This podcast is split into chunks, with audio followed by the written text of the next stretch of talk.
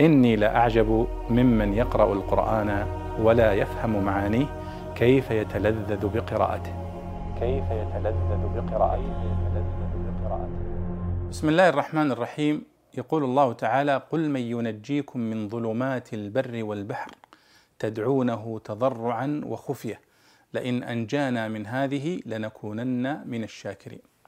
ما معنى تضرعا وخفية؟ التضرع هو شدة الطلب وشدة اللجوء إلى الله سبحانه وتعالى والدعاء.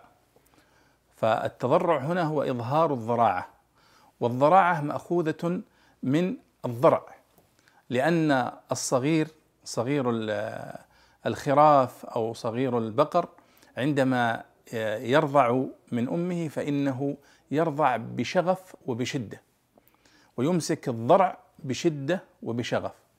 فكذلك الذي يتضرع إلى الله ويلتجئ إلى الله بالدعاء سمي صنيعه هذا تضرعا.